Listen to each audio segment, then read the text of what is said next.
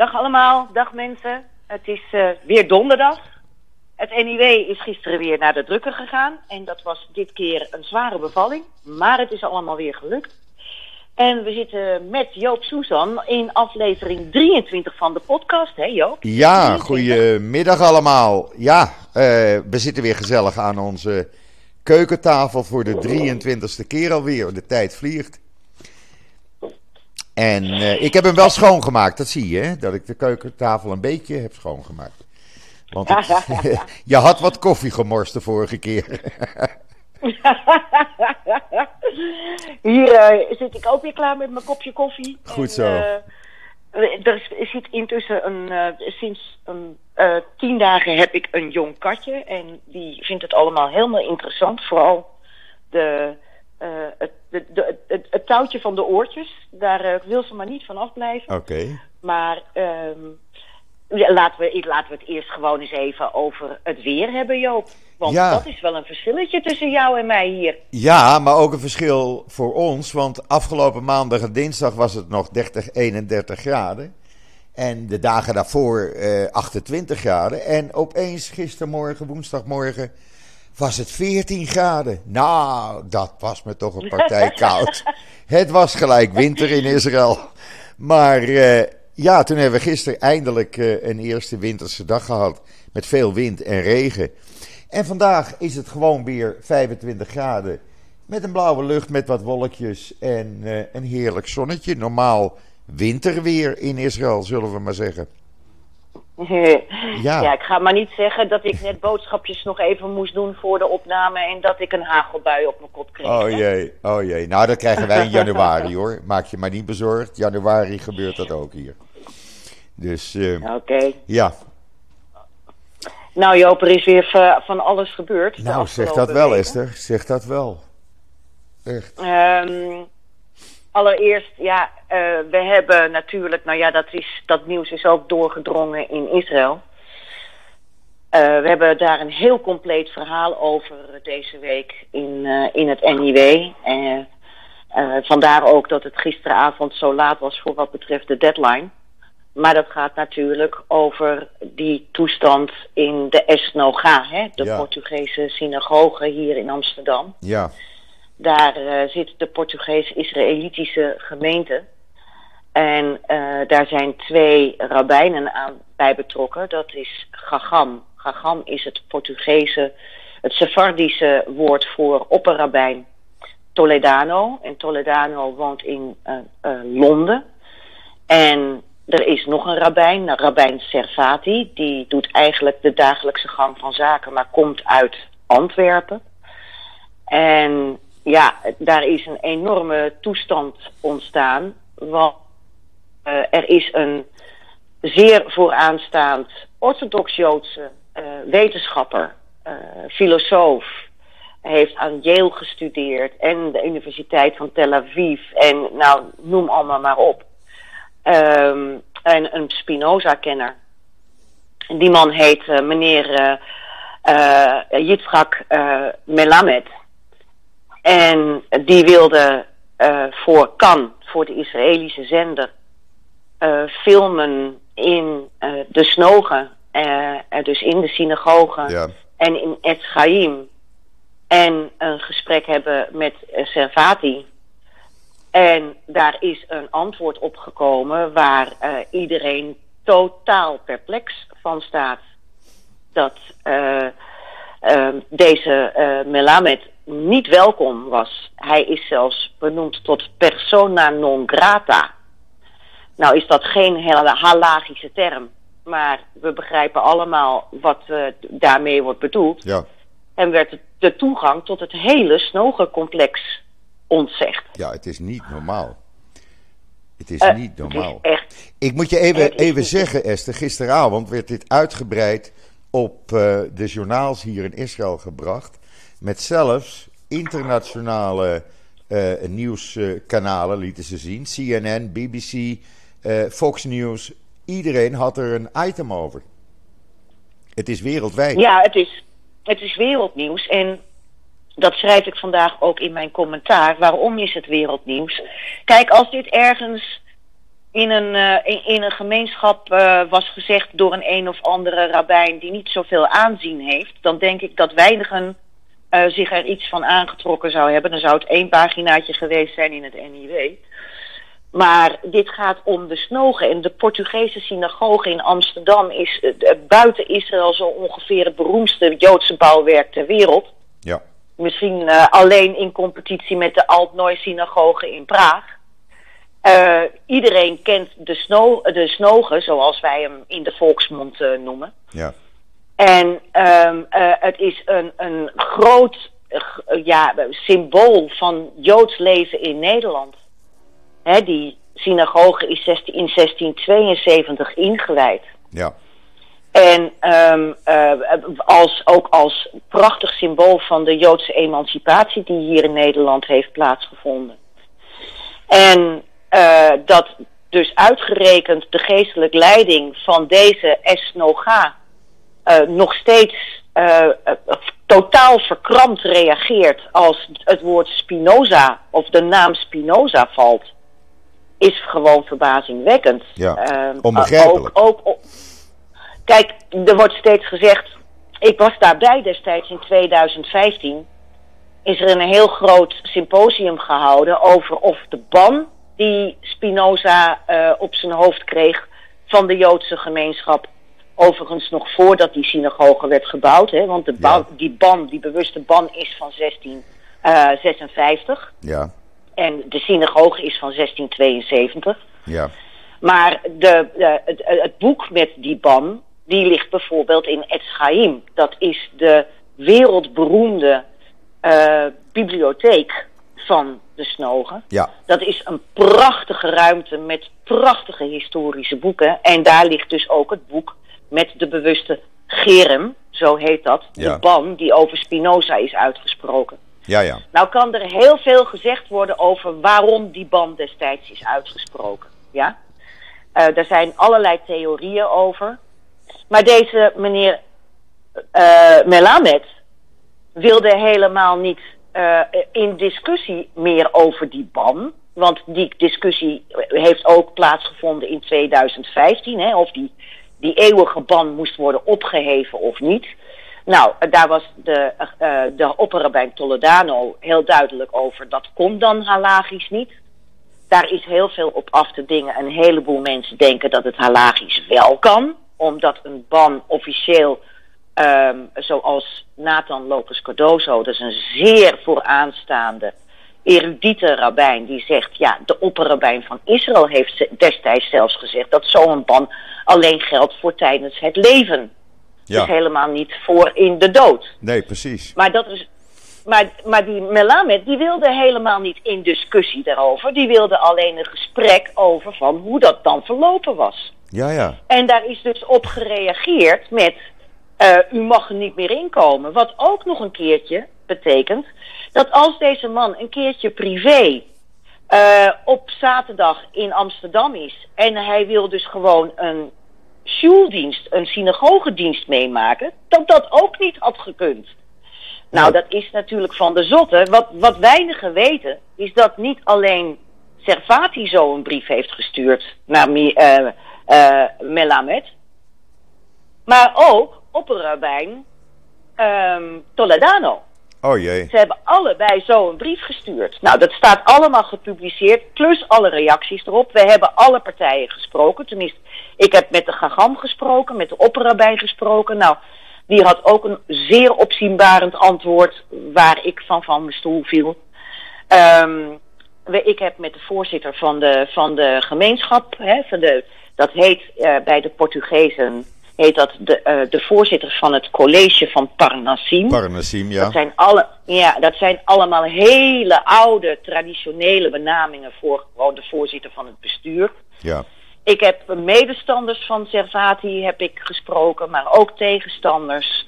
Uh, Rabijn Nathan Lopez Cardozo, woonachtig in uh, Jeruzalem, maar jarenlang betrokken bij de PIG heeft uh, uh, een heel pittige uh, opinie geschreven naar um, Servati, waarin hij um, echt ook zegt: shame on you. Heel pittig. Ja. En ik heb ook buiten allerlei anderen hoor. Want ik heb ook meneer uh, Melamat gesproken. en ik heb ook Ronnie Pallas benaderd. Ronnie Pallas was destijds, toen, ze was toen nog lid van de PIG. Dat is ze inmiddels niet meer. De PIG is de Portugees-Israëlitische gemeente. Gemeente, Ja, ja. PIG heeft, heeft bij ons altijd een beetje een andere associatie. Want we denken meteen aan een varken in het Engels. Ja, ja, Daar worden diverse grappen ook binnen de gemeenschap over gemaakt. Maar de PIG dus, eh, ehm, daar was zij lid. En als lid heeft zij destijds ook aan het college van Parnassim, dus aan het bestuur gevraagd, kan er niet een keertje opnieuw gekeken worden naar die eh, ban van Ja. Spinoza. Nou, daar is in 2015 dus een heel groot symposium over geweest. In de Rode Hoed in Amsterdam. Ik was daarbij. Eh, de, eh, het boek waarin die ban eh, eh, was opgeschreven, die lag notabene te prijken in de Rode Hoed. En eh Gagam Toledano, de opperrabijn, die eh, maakte deel daarvan uit. Die werkte daar dus aan mee. eh, aan die discussie. En nu ineens ehm, Is hij lijken alle deuren wel dicht. Ja. Of, alsof alsof Spinoza nooit meer besproken kunnen worden. ja, het is niet te is- geloven. Het is niet te geloven. Het is. Ja, en weet je wat het punt ook is, Joop? Daar heb Ja. ik het ook in mijn commentaar over. Kijk, de snogen heeft zo'n uitstraling. Eh zo is ook zo wereldwijd beroemd. En Spinoza is dat ook. Dat ehm, dit. En een heleboel eh, mensen die niets weten van de Joodse gemeenschap in Nederland. Die weten niet eens het verschil dat je liberale Joden hebt en orthodoxe Joden. Die weten niet het verschil tussen de Sephardim, hè, de, de Portugezen en, de, Spaanse Joden. Van, Ja. En de Ashkenazim, die Ja. uit Duitsland en Oost-Europa wa- kwamen. Die lezen alleen maar eh, de, de, de, ehm, de, de rabbijn van de voor, voornaamste of beroemdste Synagoge. gemeenschap van Nederland. Ja. Die spreekt gewoon 100 jaar na dato nog een keertje een ban uit over iemand die het over Spinoza wil hebben. ja, het is, het is Kortom. onbegrijpelijk. Het is onbegrijpelijk. Kort- Het is niet meer van deze tijd. Het is niet meer van deze tijd en het straalt af, vrees ik, op de hele Joodse gemeenschap. Oh ja. Omdat mensen gewoon verder niet weten hoe die gemeenschap helemaal in elkaar zit. Want deze eh, gemeenschap in de, in de synagoge, eh, die is ontzettend klein en verkeert in zwaar weer. Eh, mensen lopen daar eh, weg, ook eh, qua ledenaantal. Een jongere groep vanuit deze synagoge heeft al ook zijn een eigen eh, gemeenschap opgezet. Want die vonden, konden zich niet meer vinden in wat in de snogen gebeurde. Dat is Bendigamos van Nación Rodriguez Parera. Ja. Die heeft zijn eigen gemeenschap opgezet. Die is groeiende. Ja, want daar heb je ook een warm welkom enzovoorts als je daar binnenkomt. Als ook voor de eerste keer. Dus, eh, en, en mensen weten niet dat het hier gaat om een heel kleine gemeenschap nog. Er is moeite eh, vaak met het vinden van minyan. En dat is eh, het, het vinden van tien mannen, zodat een dienst gehouden kan worden. Ja. Dus, maar dat zijn allemaal achtergronden die men niet kent. Dus ja, kortom, dit is heel schadelijk voor heel Joods Nederland. Ja, absoluut. Maar de, de, eh, er is een verklaring afgegeven door zowel het bestuur als door de rabbijnen. U kunt het allemaal lezen in het NIW. Ehm, daarbij is ook nog een keertje een groot punt dat de Snogen als, als gebouw ook onderdeel uitmaakt van het Joods Cultureel Kwartier. Waar ook het Joods Museum, voorheen het Joods Historisch Museum, tegenwoordig het Joods Museum, van de algemeen directeur Emiel Schrijver, die zwaait daar de scepter over. Eh, maar die eh, is dus. eh, de, Snogen maakt dus onderdeel uit, en Eschaïm, van het Joods Cultureel Kwartier. Ja. En ook het Holocaustmuseum van uitmaakt, enzovoorts. Hè. Dat Ja. is die hele omgeving Ja. daar. De oude Jodenbuurt, En- zeg maar. De oude Jodenbuurt. En. Emiel Schrijver wist hier ook helemaal niets van. Dus die was ook ziedend. Eh, het bestuur wist, eh, van, van de gemeenschap wist niet dat deze rabbijnen deze brief hadden uitgestuurd. Kortom, het is, het is wal. En ze proberen dat nu, ehm, eh, ja, proberen ze de, de angel eruit te trekken. door de verklaring die u in het NIW kan lezen.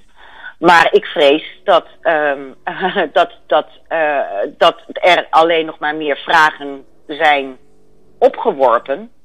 Eh, dan dat er daadwerkelijk rust in de tent Ja. is gekomen. Dus wij gaan volgen wat dit voor gevolgen heeft. Maar ja, het is een eh, publicitair, laten we het ook zo maar even noemen, is het een volstrekte ramp. Absoluut, ben ik helemaal met je eens. Ja, eh, vooral omdat het wereldnieuws is. En, en je mag toch hopen dat er op een of andere manier een oplossing hiervoor wordt gevonden. En dat dit wordt teruggedraaid. Eh, daar, moeten, daar moeten toch mensen nu bij Nou, het is worden. duidelijk. Meneer, meneer eh, Melamed is eh, wel weer, eh, merk ik als, met wat voor, ah, is welkom weer in de snogen. Oh, maar hoe het met de film zit, weten we niet. Daar wordt geloof ik nog over gesteggeld. Maar meneer Melamed, die notabene zelf orthodox is, hè, zwarte ja, ja, ja, weet ik. Eh, die eh, die eh, geboren is in Bnei Brak. Dat is een van de meest orthodoxe wijken in Israël. Ja, En ehm, eh, dat die zo, maar ook een wetenschapper. En dat die zo wordt beledigd. ja dat kan En niet. Dat, dat, het is een wetenschapper, hè? Ja. Het is een wetenschapper. Maar dan begrijp ik Dus- van jou nu dat die ban tegen hem, zeg maar, min of meer is opgeheven nu. Persona non grata is teruggedraaid. Oké, dat is belangrijk. Maar door het, bes- door het bestuur. Ja, ja, maar niet door de rabbijnen nog. De rabbijnen zeggen dat ze achter de inhoud staan van hun brief. Oké, dan is het dus de taak van het bestuur of wie dan ook om te zorgen dat die rabbijnen ook die ban terugdraaien. Nou, ik denk dat de rabbijnen zullen aankloppen in Israël. Dat zal eh, Bij het opperrabbinaat. zeker- Ja, Bij het opperrabbinaat in Israël. Ja. En eh, dat opperrabbinaat weet helemaal niks nakkes nada van de hele kwestie Spinoza. nee. Dus ik vrees met grote vrezen eh, dat eh, waarschijnlijk het Israëlische opperrabbinaat zich misschien achter deze rabbijnen zal gaan scharen. En dan zijn de ra rapen natuurlijk helemaal gaar. Ja, dat is dan het Sephardische En dat is dan het Sephardische opperrabbinaat. Ja, Ja. precies. Het is het Sephardische opperrabbinaat. Ja, ja, ja. Nou, ja. Ik, kreeg, we kregen, ik kreeg er veel vragen over. Hè? En daarom ben ik ook blij dat jij het nu uitgelegd hebt. En dat mensen dus nu een beetje kunnen begrijpen hoe die zaak in elkaar steekt. Want het Nou zal ja, het is maar een deel van de uitleg. Eh, de rest te lezen eh, in we het hebben, NIW. we hebben, ja, we hebben een eerste stuk online gezet. Maar eh, de, er, er is vanaf maandagochtend met man en macht aan gewerkt. Ook om alle partijen aan de, aan de telefoon te krijgen Ja. om een reactie. Ja, Eh, de enige die niet heeft gereageerd is Servati zelf. Ik heb zelfs twaalf minuten met de Gagam Toledano, met de opperrabijn, gesproken in Londen. ja, ja. Die eh, voelde zich een beetje ziek, maar heeft toch vragen beantwoord. eh, op- en een antwoord dat ik niet snap, maar goed. Maar ja, dit, is, dit is de wereld op zijn kop. ja, absoluut. Absoluut. Ja, Goh, nou, we Diep- zullen het blijven triest. volgen. We eh, diep, eh, diep ja. triest dat we. Diep, diep triest dat eh, eh, er een verhaal weer de wereld in wordt geslingerd alsof Joden fundamentalisten zijn. Eh, Ronnie Pallas noemt eh, de- deze Servati zelfs een talit-dragende Ayatollah. Ehm, eh, de- eh, Mela- eh, Melamed heeft het over, er wordt een fatwa, o- fatwa over me afgesproken, eh, afge, eh, eh, uitgesproken. Eh, ja, eh, eh, dames en heren, ik moet u echt zeggen eh, dat eh, eh, dit fundamentalisme maar een klein de- onderdeel vormt Oh ja, absoluut. van Joden hier in Nederland, over de hele wereld en ook in Israël. Eh, Het overgrote deel is normaal. Laten we het zo zeggen. Geef mij een definitie van normaal. ja, nee, precies. Ja, nee, laat maar. Laat maar weer. nee, ik denk dat mensen het nu wel eh, begrijpen. En anders zou ik iedereen zeggen: kijk even op de website van het niw.nl. Ja, en het, maar het echte verhaal staat gewoon in het papieren NIW. Ja. Hè? Oh, Dus als je digitaal abonnee bent, Of je bent uh, gewoon abonnee uh, van, van uh, echt maar het weekblad dat vrijdags bij u op de mat valt. Dan leest u echt het hele, hele verhaal. verhaal. Nou, ja. prima. Abonnementen afsluiten, zou ik dan zeggen. Hè? ja, ja, graag. Ja. Met liefde. Hoe meer zielen, hoe Precies. meer Precies. Ik schenk even een nieuw kopje koffie in en dan gaan we naar het volgende onderwerp. Want we hebben nog veel meer op ja, ons lijstje. Jij hebt, ook een onderwerp waar, uh, waar, je het even over wilde hebben. Ja, dat klopt. Uh, uh, wij hadden natuurlijk, of ik heb natuurlijk in mijn blog israelnieuws.nl een paar weken geleden een artikel gehad over uh, een Joodse jongen op de Universiteit van Maastricht. die last had van behoorlijk wat antisemitisme. Nou, daar zijn inmiddels Kamervragen over gesteld door een aantal politieke partijen, vier om precies te zijn. Maar naar aanleiding van dat artikel werd ik gebeld door iemand, een niet-Joodse man, die werkt uh, al meer dan 30 jaar bij de Rijksoverheid in uh, belangrijke posities. En die zegt: Ja, ik wil mijn verhaal kwijt. En wat was zijn verhaal? Zijn verhaal is dat hij sinds hij bekend maakte dat hij vrijwilligerswerk als christen in Israël doet, hij, eh, ja, laten we het maar plat zeggen, weggepest werd. En eh, uh, niet meer in zijn kantoor kon, een burn-out kreeg, een andere positie heeft aangeboden gekregen. Wil hij naar zijn kantoor, kan hij niet, want hij krijgt op die nieuwe positie geen autorisatie het kantoor te betreden. Dus een hele toestand. En de man heeft dit verhaal uh, verteld onder voorwaarde dat hij anoniem bleef. En dat komt uh, zo dadelijk om uh, 1 uur Nederlandse tijd gaat dat online bij ons, bij mij. Ja, je, je, hebt, je hebt het me laten lezen gisteren. Ja, al, ik heb het je opgestuurd. Ja. Ja, uh, en uh, hij is geïnterviewd uh, door jou en door Bas Belder, hè, voormalig Europarlementariër ja. en journalist. Ja. Um, ik heb het gelezen, weet je, wij krijgen ook veel van dit soort verhalen binnen. Ja. Maar je kunt er zo weinig mee, want um, het probleem is dat die mensen altijd anoniem willen blijven. Terecht ook, ik begrijp hun angst. Ja, hij is bang. Hij is gewoon bang. Ja, ja, maar dat betekent ook dat je bijvoorbeeld journalistiek gezien geen wederhoor kan toepassen. Nee. Bij de andere partij, want je weet niet op welk, uh, uh, waar hij werkt bij de overheid. Dus je kunt. Uh, nou, dat weet ik wel. Ik weet wel natuurlijk, en Bas ook, wij weten waar hij werkt, wat zijn positie was. Alleen we mogen dat niet bekendmaken van hem. Nee. Maar nee, ik kan mij voorstellen, ik kan me voorstellen, Esther, als er kamervragen over zouden worden gesteld, dat hij dan zegt: Oké, dit is mijn naam, dit is mijn functie. Mm Want ja, dat gaat dan uh, wel nou gebeuren. Ja, ja dat, is, uh, dat, dat zou kunnen. Um, maar het is, een, het is, is en blijft een groot probleem. Absoluut. Dat je voor een, voor een weekblad als het onze. Zou Kijk, dat niet kunnen? Nieuws is, nieuws is nieuws, hè? Ja. Nieuws is nieuws. Ja. Dus op het moment dat bijvoorbeeld, zoals we dat nu zien uh, met in, in de controverse tussen het NIK en het JBO. Ja. Hè, het, het, het, dat is de, uh, dat, het NIK, dat is de Ashkenazische poot van ja. Orthodox Joods Nederland. En het JBO is het Joods Bijzonder Onderwijs. Dat gaat over uh, de twee scholen, Maimonides, dat is een middelbare school, en Rospina. Dat zijn uh, naast het Geider, dat is een zeer orthodoxe school, maar uh, zijn dat de drie Joodse scholen in Nederland. Nou, daar hebben we ook over verslag gedaan, maar dat doe ik aan de hand van een pakket van 5 centimeter hoog documenten die ja. ik in handen heb. Ja. Dan wordt er nog vaak, vaak, dus daar schrijf ik dan een artikel over. En ik schrijf over wat ik zwart op wit in die documenten vind. Ja.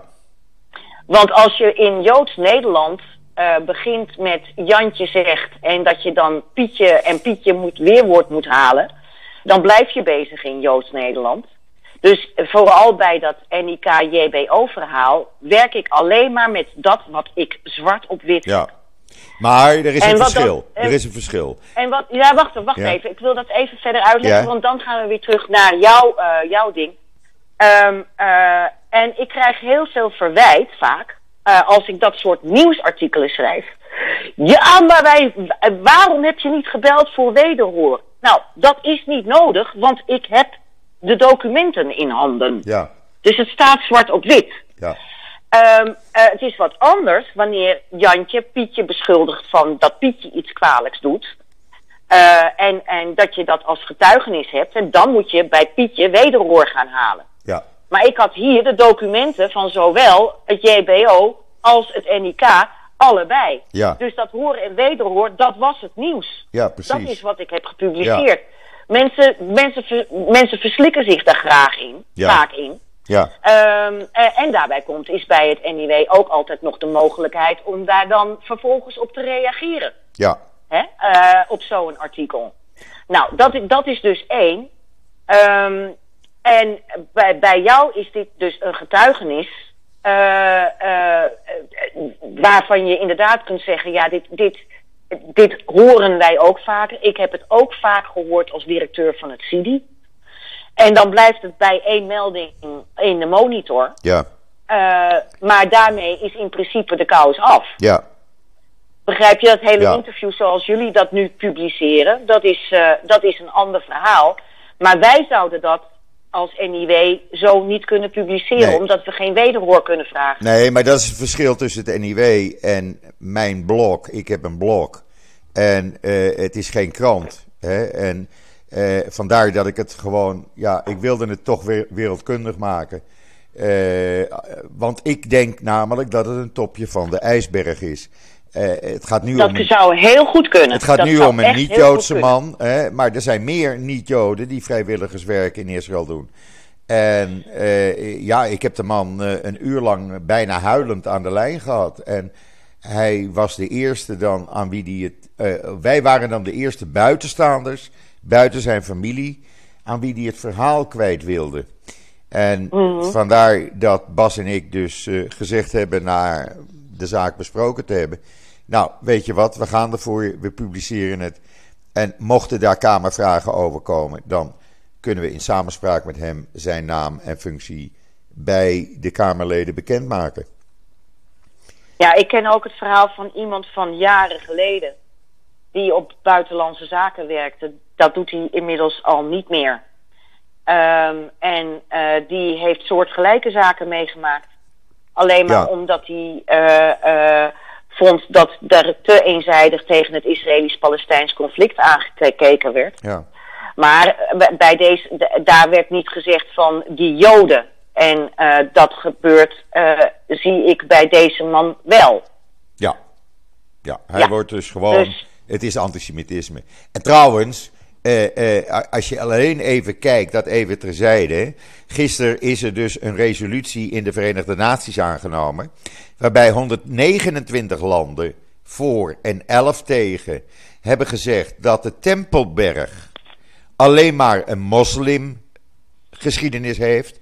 Geen enkele Joodse connectie. En wat deed Nederland? Nederland onthield zich van stemming. Nederland wilde niet tegenstemmen.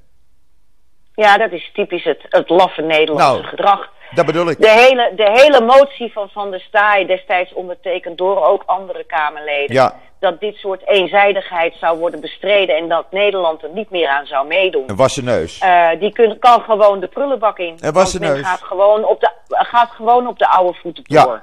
Ja, ik heb vanmorgen even gekeken bij eh UN-Watch van Hillel Neuer. Hè, die dus alles bijhoudt. En het blijkt inderdaad zo te zijn dat Nederland zich eh, van stemming heeft onthouden. Nou, ik vind dat een, een schandalig iets.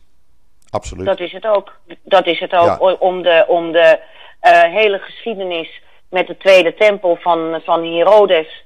Hè, en- 3000 jaar en geschiedenis. De tempel van Sa- Salomo. 3000 En jaar geschiedenis. kennen. Wordt Ja. zo de prullenbak Ja. ingegooid. Je wordt, eh, men, men realiseert zich niet dat, dat eh, de islam pas eh, 600 jaar na de Tweede Tempel op, in Jeruzalem terecht is gekomen. Ja. En om deze geschiedenis te ontkennen is eh, gewoon geschiedsvervalsing. Het is geschiedsvervalsing Ja, ja. pure geschiedsvervalsing. En uh, daar, daar, in dat kader, Joop, ga ik meteen even door naar iets anders. Ja. Over geschiedsvervalsing uh, gesproken. Frits Barend maakt zich daar deze week in het NIW heel erg druk over. Er is een, een initiatief. de prinses Beatrix heeft twee weken geleden een. een um, ik hoor een hele rare. Ja, er gaat een brandalarm hier af in het gebouw. Maar ik blijf gewoon zitten, want dat is weer een storing. Want ik heb dat afgelopen nacht ook gehad. Dus mensen, sorry voor dit geluid. Maar het zal zo meteen wel afgezet worden, want ze zijn ermee aan het werk. Oké. Dus. Kijk, prinses Beatrix is een paar weken geleden op bezoek geweest bij een vereniging. Ja. Die, um, uh, die uh, van, van kinderen van ouders die fout waren in de oorlog. Die bij de SS en de NSB hebben gezeten. Ja. Ik begrijp heel goed dat die kinderen uh, ook geen makkelijkere jeugd hebben gehad. Nee. Dat moet gewoon gezegd worden. Ja. En ook dat de, je mag nooit de daden van ouders projecteren op, op de kinderen. Nee. Daar ben ik heel pertinent in, dat weet iedereen. Er wordt ook alles van, van alles van de overgrootvader van Lodewijk Asje gezet. En Asje krijgt dat dan voor zijn voeten. Daar ben ik des duivels over. Ja. Dat doe je ook niet bij Maxima. Maxima's vader deugde ook niet. En uh, dat betekent niet dat Maxima nog niet deugt. Klaar. Dus dat deze mensen hebben geleden, helemaal duidelijk. Maar dat de NOS dan vervolgens daarvan maakt kinderen van fouten tussen aanhalingstekens ouders. Met andere woorden, waren ze wel zo fout? Ja. Nou, als je dus daar al uh, uh, dit soort zaken gaat doen, nou, daar maakt Frits Barend zich dus ontzettend druk over. En wij hebben ook in ons forum gevraagd hoe andere Joodse Nederlanders er tegenover staan om met deze kinderen in gesprek te gaan. Ja. En, en dan merk je toch dat het bij veel mensen nog te pijnlijk is. Kan ik me iets bij voorstellen? Ja, je dat merkt dat het nog te pijnlijk is. Ja. Maar ik vind het wel goed dat er zo'n vereniging is. Ik denk dat je uh, uh, niet moet onderschatten wat deze kinderen natuurlijk ook te verduren hebben gehad. Absoluut. Uh, dat, dat lijkt me logisch. Maar ook het Forum deze week buigt zich daarover met verschillende meningen en verschillende invalshoeken. En het is toch interessant om te zien hoe daar in ieder geval nu in, in Joods Nederland wel over gesproken kan worden. Want dat was natuurlijk vroeger helemaal uh, niet te doen. Nee. nee, het is bespreekbaar. Het is bespreekbaar. Het is bespreekbaar. En dat is een ja, goede zaak natuurlijk. Dat is een goede ja. zaak. Ja. Ja. Nou Joop, zullen we het verder nog even hebben over de, uh, ja. de documentaire van Frans Bromet? Nou, Eerst, ja, daar wil ik het ook over hebben. Maar eerst even een ander dingetje. Wij hebben hier een relletje met premier Bennett. En waarom hebben wij een relletje met premier Bennett? Die heeft uh, uh, afgelopen week Israëli's opgeroepen. Mensen, vanwege dat nieuwe, die nieuwe virusvariant, ga, het is beter om niet naar het buitenland te gaan. Blijf lekker in Israël tijdens de Chanukka-vakantie. Want ja, Hanukkah in Israël betekent dat veel mensen naar het buitenland op vakantie gaan. Er gaan toch tienduizenden zijn vertrokken. En wat blijkt gisteren? Zijn vrouw met de vier kinderen is ook naar het buitenland vertrokken. Terwijl hij als premier had opgeroepen: blijf lekker thuis in Israël. Dus we hebben uh, een rel. Hij doet een Alexandertje. Sorry, ja, dat kan je wel stellen, ja. Hij doet een Alexandertje. Het is niet te geloven. Een privévliegtuig naar Griekenland vloog. Ja, nou Oh, zijn, oh. weet je wat voor excuus hij gisteravond op televisie gaf? Ja, er is, er, inmiddels is er wat meer bekend over dit nieuwe virus. En eh, weten we wat meer, zodat het risico om te vliegen minder is. Ja, hij moet er toch een draai aan geven. Ja, maar het is natuurlijk een heel foute draai. Je hebt gehoord dat hier in één vliegtuig eh, 61 personen zaten met die, die bewuste besmetting. Ja, het is zelfs zo dat vanmorgen in de Jeruzalem Post bekend werd gemaakt. Luister goed, het RIVM in Nederland, ja, staat in de Jeruzalem Post, heeft bekendgemaakt dat het virus, die nieuwe variant, al veel eerder in Europa, in Nederland aanwezig was. Mogelijk al op negen- ja, 19 dat- november. Nou, dat klopt, dat klopt. Want er is een dokter van het Sheba ziekenhuis uit Londen teruggekomen. Die daar een conferentie bijwoonde tussen 19 en 23 eh, november.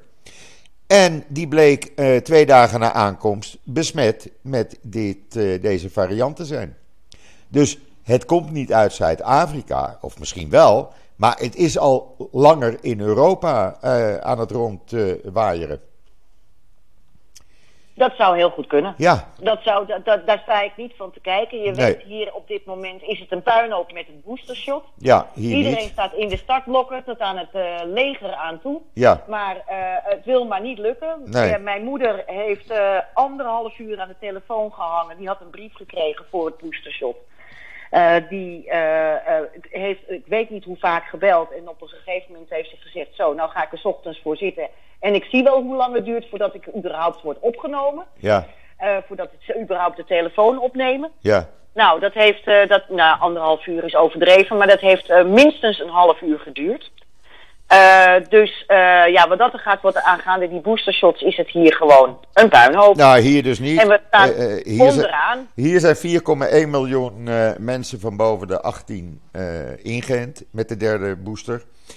En ja, alles, alles werkt hier. Je, ja, je moet je houden aan mondkapjes dragen in publieke ruimte, in winkels, feesten, evenementen, shows, noem maar op. Nou, dat is allemaal geen probleem. Iedereen doet dat. En voor de rest eh, leven wij ons normale leven. Zo werkt dat nu hier. Ja. En iedereen is gevaccineerd. En er worden nog steeds, dat vind ik ook onbegrijpelijk. Hier worden gewoon gemiddeld 90 tot 100.000 mensen getest op een dag. En we hebben uitschieters gehad tot 150.000 op een dag. Terwijl ik lees dat in Nederland al problemen zijn om 90.000 mensen te testen. Dan denk ik van ja, eh, sorry, waar, eh, waar zijn ze mee bezig in vredesnaam? Ik had mijn boostershot op 24 augustus. Moet je nagaan. Ja, ja, ja. Nou, Ja. ehm, toen kregen hier eh, mensen in Nederland nog eh, hun eerste prik, geloof ik. Ja, maar er Ja, is goed nieuws. Er is goed nieuws uit Israël. Ehm, ten eerste zeggen ze dat de booster uit de eerste onderzoeken werkt tegen die nieuwe variant. En eh, voor 90% ben je beschermd. En ten tweede, eh, hopelijk eind deze maand is het Israëlische vaccin eh, eh, beschikbaar. Waar je maar één keer per jaar mee hoeft te worden gevaccineerd. En voor 100% beschermd bent. Dus daar kijk ik wel naar uit. Dat gaan wij volgen. Want Ja. er zijn natuurlijk heel veel ja, good news verhalen. eh, eh, maar sommige eindigen ook in de prullenbak. Nee, nee, nee, dus nee. wij deze gaan dat niet. volgen. Deze niet. Dat is Ik het ga- Brilife, eh, het Brilife vaccin.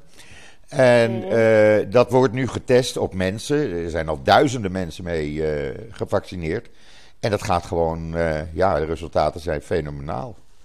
Dus hopelijk. Ja, eh, maar voordat Europa dat dan weer goedkeurt, ben je ook Ja. eh, maanden verder. ja, ja, ja. Maar goed, we zullen het zien. We gaan het in ieder geval volgen, Ja, Joop. en dan Bromet. Ja, Ja, ja, ik was woest. Toen Ja, ik die uitzend-? Ja, ik, eh, ik eh, moest een extra borrel nemen dinsdagavond, want ik heb het natuurlijk op uitzending gemist kunnen zien. Eh, Mhm. Ik was gewoon kwaad. Ik was zo kwaad. En, en toen kreeg ik s'nachts een telefoontje van Rob Fransman. En die zegt: Joop, ik ben Ja. kwaad. Eh, ik ga een stukje schrijven. Eh, wil jij dat plaatsen? Nou, dat hebben we dus ook gedaan. En hij blijkt dus verwoord te hebben wat duizenden mensen schijnbaar eh, in gedachten hadden. Zoveel ehm, eh, eh, mensen deed hij er een plezier mee. Jij hebt hem ook gezien, neem ik aan. ik heb hem gezien, ja. Eenzijdig, hè? Heel eenzijdig. En ja, wat je dus ook weer ziet, is dat eenlingen als een eh, Jaap Hamburger. Is Ja. echt, dames en heren, dat mensen beg- begrijpen dat niet. Jaap Hamburger van een ander Joods geluid is veel populairder bij niet-Joden dan bij, uh, bij Joden. ja. Het is echt, het is, ja, het is echt een eenling. Ja. Uh, die alle antisemitisme afschuift op, uh, ja, alleen maar omdat de Israëli's de Palestijnen onderdrukken. Waar Ja. u, als u op deze podcast vaak beluistert, ook nog wel het een en ander op valt af te dingen. Uh, en, um, uh, ja, en dan dat, dat huilen van, van, van acht. Ja, nou, heb, maar daar kreeg ik... ik, ik, weet je wat mensen heb, tegen me... ik, heb van, ik heb van acht nog nooit om een Joods kind zien huilen. Nee, maar weet je wat Eh, mensen tegen mij zeiden? Die zeggen, Joop, is het jou niet opgevallen? Hij huilt vanwege dat kind wat vergiftigd zou zijn en daardoor is overleden. Maar die geit die huppelt nog lekker rond. ja, kijk, dit zijn allemaal van die verhalen die nooit vallen te verifiëren, Wel, die nooit nee. vallen te controleren. Wel, nee. En uh, wat, wat ik ook, wat ik wel frappant was voor de oplettende kijker, dat was heel erg interessant. Dat was die Ouali. Die destijds had opgeroepen dat, dat, dat wij maar toeristische of uh, Israëli's. Israëlische toeristen moesten gaan steken. Ja, die moeten maar En uh, uh, die heeft toen ook, worden. die heeft, ja, die heeft toen ook aandacht gekregen bij Pauw en zo. Ja, Uh, al dat soort idioten krijgt, krijgt aandacht. En uh, die begon met dat hij absoluut niet antisemitisch was. En uh, in tegendeel, en uh, hij had niets tegen Joden. En Nee. toen hij eenmaal doorsprak, toen was het... Ja, maar die Joden zijn zo goed georganiseerd en ze hebben de macht. En ze juist. zitten allemaal op de machtige plekken. Ja. Ik denk, daar hebben we het weer. Ja. Daar hebben Ja. we het weer. Maar, Dat is dus antisemitisme. natuurlijk. En, en, en, maar de ellende is dat eh, Frans Bromet, die, um, uh, die doet dit altijd zonder enige tegenspraak. Ja, Hij laat mensen alleen maar praten, maar hij stelt geen enkele kritische vraag. nee. En, um, uh, uh, en die Ouali die liep leeg. En dan zie je hoe meer die praat, hoe, eer, hoe verder die uh, zich vastpraat in gewoon volledig antisemitisme. Ja. Weer een melding bij Het het Sidi. CD waard. Ja, absoluut. Als iedereen dat nou dat, doet, eh, dan hebben we honderden, misschien duizenden meldingen hierover. En dan kunnen we er iets mee bij het CD, denk ik. Hè? Nou, ik weet het niet. Ik weet het niet, uh, Joop. Want het is, hij, Frans Bromet is natuurlijk ook in Hilversum. Dit, deze uh, documentaire was weer gefinancierd door het Kobo-fonds. Ja, Uh, als het maar stevig kritisch is, dan merk je dat, dat al dat soort documentaires, of het nou over Raoul Heertje gaat, of Natasja van Wezel, of wat dan ook, die krijgen dan uh, subsidie. Ja. Maar ik herinner me nog dat uh, uh, verhaal in NRC van uh, Alfred Edelstein. Dat al zijn programma van dat Alfred Edelstein is hoofd van de Joodse poot van de EO. Dat alle uh, documentaires die iets anders wilden laten zien dan alleen deze zeer kritische benadering, dat die allemaal werden afgekeurd in Hilversum. ja, Dus um, ja, that's how it goes. Ja. Uh, ik vond, uh, ja, de Koolmansjes. Kijk, ik, je weet, ik ben heel erg betrokken bij die zaak. Ja, weet ik. En uh, ik vind het schatten van mensen. en ik vind het bijna jammer dat ze eraan mee hebben gewerkt. Want zij zijn echte slachtoffers. Zij zijn Hij misbruikt loopt- door hij- Bromet. Hij, en het- de- zo voelt het een beetje Ja, voor mij. ze zo zijn voelt het gebruikt. een beetje voor mij. Ze zijn gebruikt. En ook de aankondiging, want wij zijn destijds uitgenodigd voor de voorvertoning van deze documentaire. Waar wij niet op ingegaan zijn. Maar ook daar uit die voorvertoning al. Uh, de, de tekst van de uitnodiging bleek al helemaal welke kant het op zou gaan. Ja, dus ja. wij hebben even overgeslagen. Nou, ik, uh, Ja. ik heb er echt. Uh, ja, ik, ik, ik, heb er geen woorden voor. Ik, ik vind het onbegrijpelijk dat dit zomaar zonder problemen op de Nederlandse televisie kan worden uitgezonden. Het is gewoon je reinste Israël-bashing. Het is gewoon Israël in een kwaad daglicht zetten, Joden in een kwaad daglicht zetten. En het wordt met opzet nou ja, gedaan. Weet je, weet je, het punt is dat uh, je eruit zou kun- kunnen concluderen. Uh, dat het wel meevalt met dat antisemitisme. Dat proberen Daarom ze, maar. heb ik ook net er een. Heb ik er ook uh, net een tweet uit gedaan. Ja. Uh, kijk naar wat er nu gisteren of eergisteren in Londen is gebeurd. Ja, verschrikkelijk. Er was een bus met, met Joodse kinderen Ja. en die, die werden bespuugd en weet ik veel. Ja, Ik heb ook gezegd, ja, en als je. en er zijn mensen, zoals in de documentaire van Frans Bromet, die durven stellen dat het wel meevalt met dat antisemitisme. ja. Nou, dat jongens, dat doet het gewoon niet en het wordt gewoon steeds erger. En als we daar. Uh, en, en, en dan wordt ook door uh, Jaap Hamburger gezegd. Ja, maar het. Of wie was het? Ja, maar het CIDI roept op uh, om, om dingen te melden. Dan denk ik, ja, en, en acht van de, van de mensen die iets meemaken, die doen het niet. Daar zijn dus wetenschappelijke cijfers Ja. over. want die vinden het te veel gedoe. Net zoals dat ik uh, niet uh, bij iedere uh, ieder vorm van antisemitisme die ik bijvoorbeeld tegenkom in real life of op sociale media naar de politie stap. Nee. Dat doe ik alleen als ik word bedreigd. En er loopt nu ook nog steeds een zaak waar we alweer maanden niets van gehoord hebben. er is één zitting geweest en daar kwam de, de gedaagde gewoon niet op opdagen, want hij schaamde zich zo. Ja, Ja, ja. een beetje laat, hè, dat schaamde. Ja, dat had, dat Dus- had hij eerder moeten bedenken. Ja, dus dat is nu weer uitgesteld. Dat wordt weer een gebed zonder end. Nou, ik zoals, zeg altijd, eh, en dat zeg ik elke dag, Esther: antisemitisme, het mag weer. Want eh, eh, ik hoef jou niet te vertellen wat eh, jij en ik eh, naar ons eh, toegegooid krijgen aan eh, antisemitisme op social media. En dat gaat maar door en dat gaat maar door. En de bedreigingen worden alleen maar groter. En dan denk ik, ja, dat is dan jammer genoeg. Dat is Nederland 2021. Het is niet anders. Ja, maar als. Kijk, Joop. ehm, ik moet daar nog een kanttekening tegen maken. eh, bij maken. Ehm, er was ook hier bij een of andere talkshow. Ik weet niet of het op één was of wat dan ook. Daar zat een ambulancebroeder. En eh, zijn collega eh, is een hersenschudding geslagen hier in Nederland Ja, toen hij dus te hulp schoot. Eh, want zo agressief is de maatschappij geworden. En die bewuste dader, die komt weg met een waarschuwing. ja niet te geloven. Nou, wat mij Dan wordt opvalt. iemand dus fysiek, heeft fysiek Ja, eh, eh, ellende opgelopen.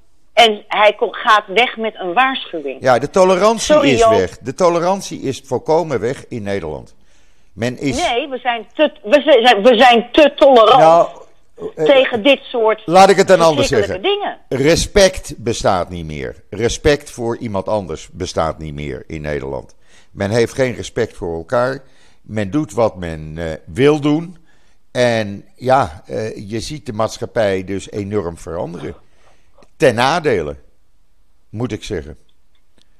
Ja, dat is, eh, en eh, daar speelt corona natuurlijk ook al een rol in. Want Ja. mensen hebben een ontzettend kort lontje. Ja, Ehm, eh, en de mensen schijnen niet te begrijpen dat ze kunnen willen wat ze willen. ja, En inderdaad, het beleid zwabbert. Men probeert dat ook steeds bij te stellen hier. En vaak te laat. Eh, eh, waardoor eh, ja, er inderdaad vraagtekens kunnen worden gesteld bij het beleid. Maar ehm, eh, eh, men schijnt niet te weten dat wat zij willen gewoon voor het virus zelf helemaal niet relevant is. nee, precies. Dat Ja, is het punt. Ik vind het verschrikkelijk hoe die maatschappij verandert in Nederland hoor. Ik had vanmorgen een, een, een Nederlandse jongen van 19 jaar aan de telefoon. Die belde mij op. Die woont hier nu.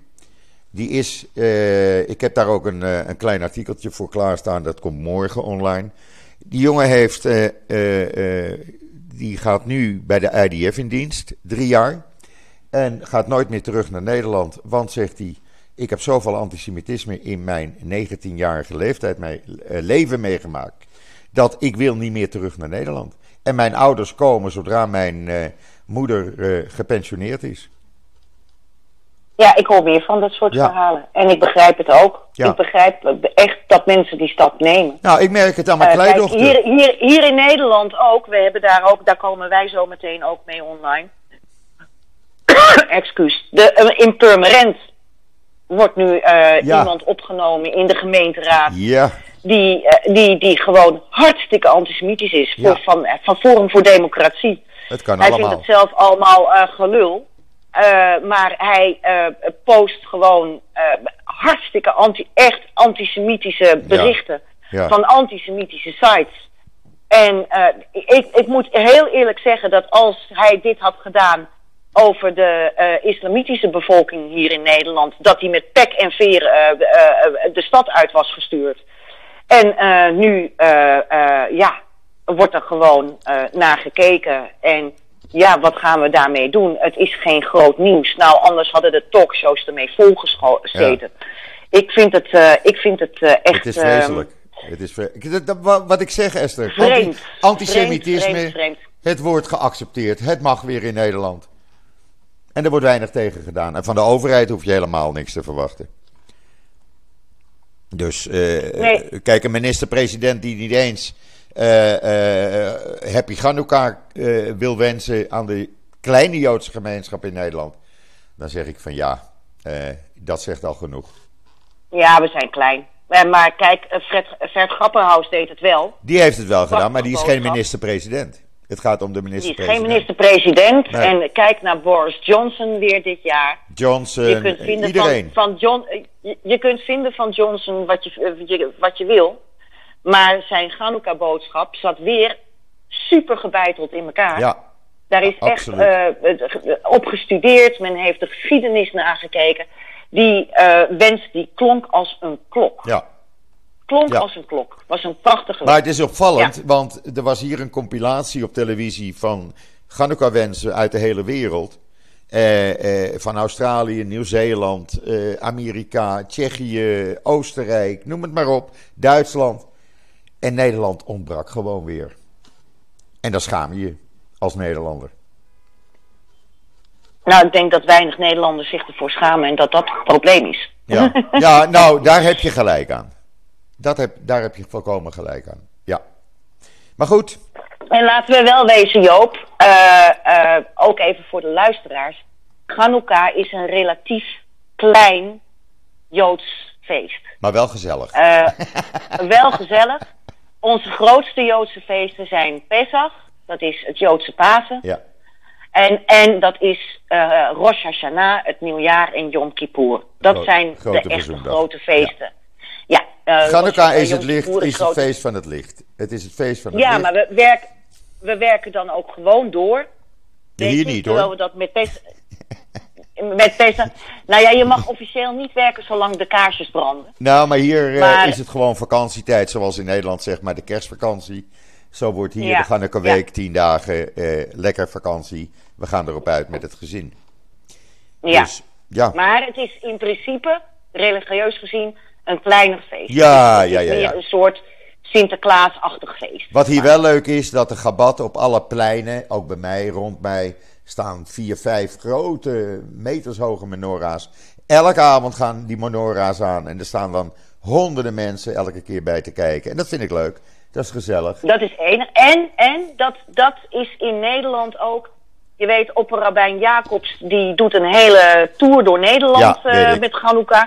Hij heeft in Boertangen gestaan, hij heeft in Kampen gestaan. Dat is allemaal buiten. Dat is allemaal wel doorgegaan. Wat helaas niet door kon gaan, dat waren de twee Hanukkah-concerten in Ja. het concertgebouw. Maar die zijn online te vinden. Op YouTube. Nou, in ieder geval, eh, in ieder geval, ja, de, Van gisteravond. De, eh, de, die van eh, Maestro Jules, met Maestro Jules. eh, die is nu online te vinden. Die vindt u ook terug eh, bij ons op de website. Dat u die link kunt aanklikken en alsnog dat concert kunt beluisteren Ja. En bekijken. Staat En ook bij mij erin hoor. Prachtig. Staat ook Oh, bij mij. Het schijnt een prachtig concert te zijn. Ik heb het gezien, gedeeltelijk. Gedeeltelijk heb ik het gezien. En ik vond het erg mooi. Ja, ik vond het erg mooi. En vanavond op de Dam, hè. Zes uur begint het. Half zeven worden de Ja. kaarsjes ontstoken. En dat vind ik leuk, omdat mijn kleinzoon van tien... Van, met het Rospina-orkest daar hopelijk mag spelen. Of gaat spelen. Dat is de Oh, bedoeling. Wat leuk. Dat is het, dat is het orkest van de, van, eh, De lagere Joodse school. Ja. De lagere, Ja. Joodse lagere school. Ja, Dus ik hoop eh, dat dat doorgaat. En eh, ze waren al druk aan het oefenen. En ja, vanavond dus met z'n allen naar de Dam, zou ik zeggen. Ja, er is. dat, dat, dat, dat, en Dylan, Dylan Jesselko Segerius, Die is er ook. staatssecretaris van Economische Zaken, zal daar ook bij zijn, Ja. zag ik. Ja, Dus ik hoop dat dat een heel fijne bijeenkomst wordt. Iedereen moet gewoon even kan gaan. Gelukkig, dat kan gelukkig nog wel. ja. Nou, Joop. Ik denk dat wij een leuke afsluiter hebben. De koffie is op. En de tafel zit Ja. weer onder de vlekken, zie ik. Ai, ai, ai. mijn, Maar, mijn, mijn, Mijn schuld. mijn koffie is Mijn schuld. koud. Mijn schuld. Ik wens eh, jou en iedereen eh Chanukah Chag Sameach. Nog heel veel jaren Chanukah. Ik wil alvast Shabbat Ja. Shalom wensen aan jou en iedereen. Eh, Ook van hieruit, Shabbat Shalom en Gak Chanukah Sameach. ja, En eh, nou, Joop, we spreken elkaar over 14 dagen wel weer. dat zeer zeker. Dat zeer zeker. En dan zit man. iedereen weer aan onze keukentafel, Esther. heel gezellig. Oké. Dames en heren, dank weer voor het luisteren. Iedereen bedankt en tot ziens. Tot gauw. Bye bye.